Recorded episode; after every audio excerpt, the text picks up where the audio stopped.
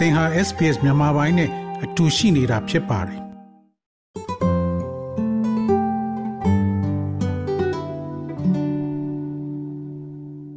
သောရရှိမြောက်ယနေ့နိုဝင်ဘာလ29ရက်ဗုဒ္ဓဟူးနေ့အတွက် SPS News Flash သတင်းထူးများကိုတင်ဆက်ပေးမှာဖြစ်ပါတယ်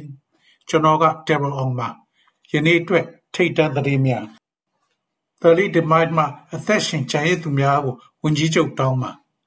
ဝန်ကြီးချုပ်အန်သိုနီအယ်ဘနီစီသည်သလစ်တမိုက်စိတ်ငြိမ်စေးမှအသက်ရှင်ချန်ရည်သူများနှင့်၎င်းတို့ရဲ့မိသားစုများကိုတရားဝင်တောင်းပန်ခဲ့ပါတယ်။အသက်ရှင်ချန်ရည်သူများကိုအစိုးရအဆက်ဆက်ကအကာအကွယ်မပေးခဲ့တဲ့အချိန်မှာထူးခြားသောဖြည့်ရှင်းမှုကိုအချိန်ချင်းဆင့်ခေါ်ခဲ့ကြောင်းမစ္စတာအယ်ဘနီစီကလွှတ်တော်သို့ပြောကြားခဲ့ပါတယ်။အဆိုပါထုတ်ပြန်ချက်သည်1962ခုနှစ်နိုဝင်ဘာလတွင်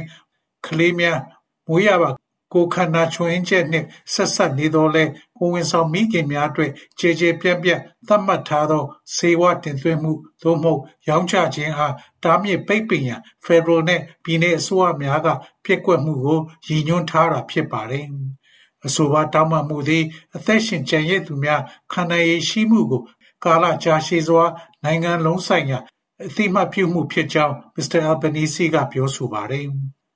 ယနေ့ကျွန်ုပ်တို့ရဲ့အစိုးရနှင့်ဤပါလီမန်သည်ဩစတြေးလျပြည်သူများကိုစား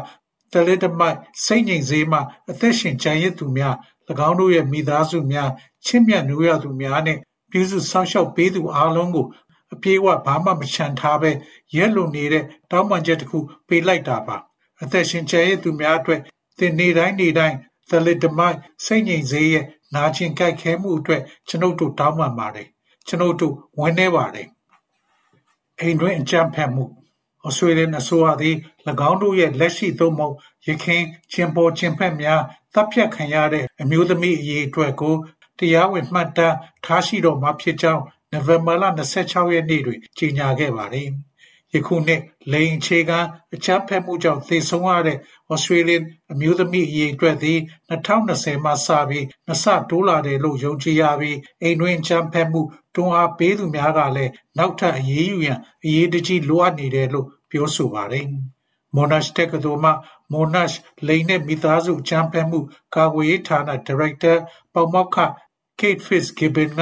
ဩစတြေးလျတွင်ယခုနှစ်အတွင်းအိမ်တွင်းအကြမ်းဖက်မှုများကြောင့်အနည်းဆုံးအမျိုးသမီး53ဦးသေဆုံးခဲ့ကြောင်းပြောကြားပါတယ်။သူမကအစိုးရရဲ့ကြေညာချက်ကိုကြိုဆိုပြီးဖြစ်ရပ်များကိုတိုင်းတာခြင်းသည်အိမ်တွင်းကြမ်းဖက်မှုနှင့်ဆက်နွယ်နေတဲ့သေဆုံးမှုများကိုတားဆီးရာတွင်မရှိမဖြစ်ခြေလှမ်းဖြစ်ကြောင်းပြောဆိုသွားပါတယ်။ဩစတြေးလျသည်ကိုဗစ်တုံ့ပြန်မှုအတွက်ဒေါ်လာဘီလီယံပေါင်းများစွာအသုံးပြုခဲ့ဟု အစီရင်ခံစာကဖော်ပြ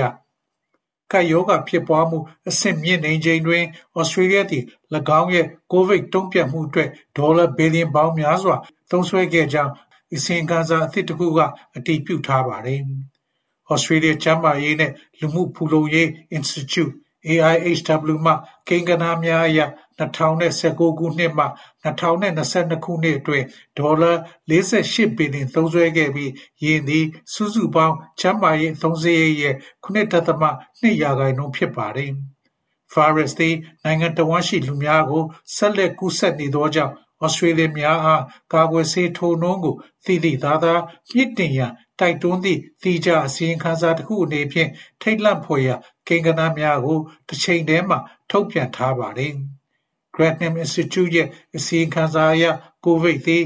ကျွန်ုပ်တို့နဲ့အတူရှိနေဆဲဖြစ်သောကြောင့်ကာကွယ်ဆေးထိုးနှုန်းနှိမ့်ချခြင်းရဲ့အကျိုးဆက်များသည်သေဆုံးမှုများနှင့်တုပ်ကွေးထက်လူများကိုဆေးရုံတင်ရခြင်းဖြစ်ပေါ်လာမယ်လို့သတိပေးထားပါတယ်။ကျားမလုံအားကတန်းတူတူညီမျှမှု ဩစတြေးလျနိုင်ငံရဲ့ကျားမလစာကွာဟမှုသည်ဆယ်စုနှစ်တစ်ခုနီးပါးအတွင်းအကြီးမားဆုံးတစ်နှစ်တာအတွင်းကျဆင်းသွားတော်လဲအမျိုးသမီးများသည်၎င်းတို့ရဲ့အမျိုးသားလုပ်ဖို့ကံဘက်များထက်များစွာလစာနည်းနေသေးတယ်လို့ဆိုပါတယ်။လုပ်ငန်းခွင်များတွင်ကျားမဒန်းတူညီမျှရေးအေဂျင်စီ WGEA မှနှစ်စဉ်မွမ်းမံချက်တစ်ခုအရ ယခုနှစ်စီမံခန့်ခွဲမှုအခန်းကဏ္ဍများတွင် စုစုပေါင်းကျားမလစာကွာဟချက်သည်21.7ရာခိုင်နှုန်းသို့ကျဆင်းသွားကြောင်းအတည်ပြုခဲ့ပါသည်သို့သောလစာအနည်းဆုံးလူအများစုတွင် အမျိုးသားများထက်အမျိုးသမီး90ရာခိုင်နှုန်းပိုများနေသေးပြီးအမြင့်ဆုံးလစာတွင် အမျိုးသမီးများထက်အမျိုးသားဦးရေနှစ်ဆပိုများကြောင်း Miss Woodbridge ကပြောဆိုပါတယ်။ ဒါကဆက်လက်လို့ဥတီယာလမ်းကြောင်းဖြစ်နေမည်ကိုဩစတြေးလျကလက်မခံနိုင်ကြောင်းနဲ့ကွာဟချက်ကိုပုံမဖြည့်ရှင်းရန်နောက်ထပ်အရေးယူမှုများပြုလုပ်ရန်တောင်းဆိုခဲ့ပါတယ်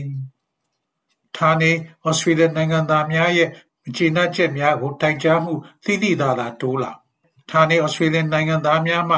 နိုင်ငံဘဏ္ဍာရေးဆိုင်ရာထိန်းညှိပေးသူထတိုင်ကြားစာများသိသိသာသာတိုးလာပါတယ်။ Australia Financial Complaint Authority သည် First Nation မှပြည်သူများစိုးရိမ်ပူပန်မှုအရေးအတွက်73ရာခိုင်နှုန်းတိုးလာကြောင်းဖော်ထုတ်ခဲ့ပြီးအဓိကအားဖြင့်ကိုယ်ပိုင်ငွေပေးငွေယူအကောင့်များ personal loan နဲ့ credit card နဲ့ပတ်သက်၍ဖော်ထုတ်ခဲ့ပါတယ်။ပြီးခဲ့တဲ့ဘဏ္ဍာရေးနှစ်တွင်ဌာနေတိုင်းရင်းသားများတင်ပြတဲ့တိုင်ကြားချက်10ခုတွင်တစ်ခုထက်ပိုသောတိုင်ကြားစာများကိုခြုံငုံသုံးသပ်ရလျှင် အခု20တွင် တစ်ခုက ငွေကြေးအခက်ခဲနှင့်ပတ်သက်တယ်လို့ AFCA မှ ပြောကြားပါတယ်။ပထမဆုံးနိုင်ငံသားများရဲ့ ဆင်းရဲဒုက္ခရောက်မှုနဲ့ပတ်သက်၍တိုင်ကြားစာ အချိုးအစား နှစ်ဆကျော်ရှိကြောင်း ဒုတိယ စုံစမ်းစစ်ဆေးမှုချုပ်ဒေါက်တာဂျွန်စမစ်ကပြောဆိုသွားပါတယ်။နေ့စဉ်သတင်းတို့ News Flash များပုံမကြားသိရန် SBS Language Podcast ကိုတွားရောက်နားဆင်ကြည့်ပါ သို့မဟုတ် ဝင်ရောက်ကြည့်ရှုနိုင်ပါတယ်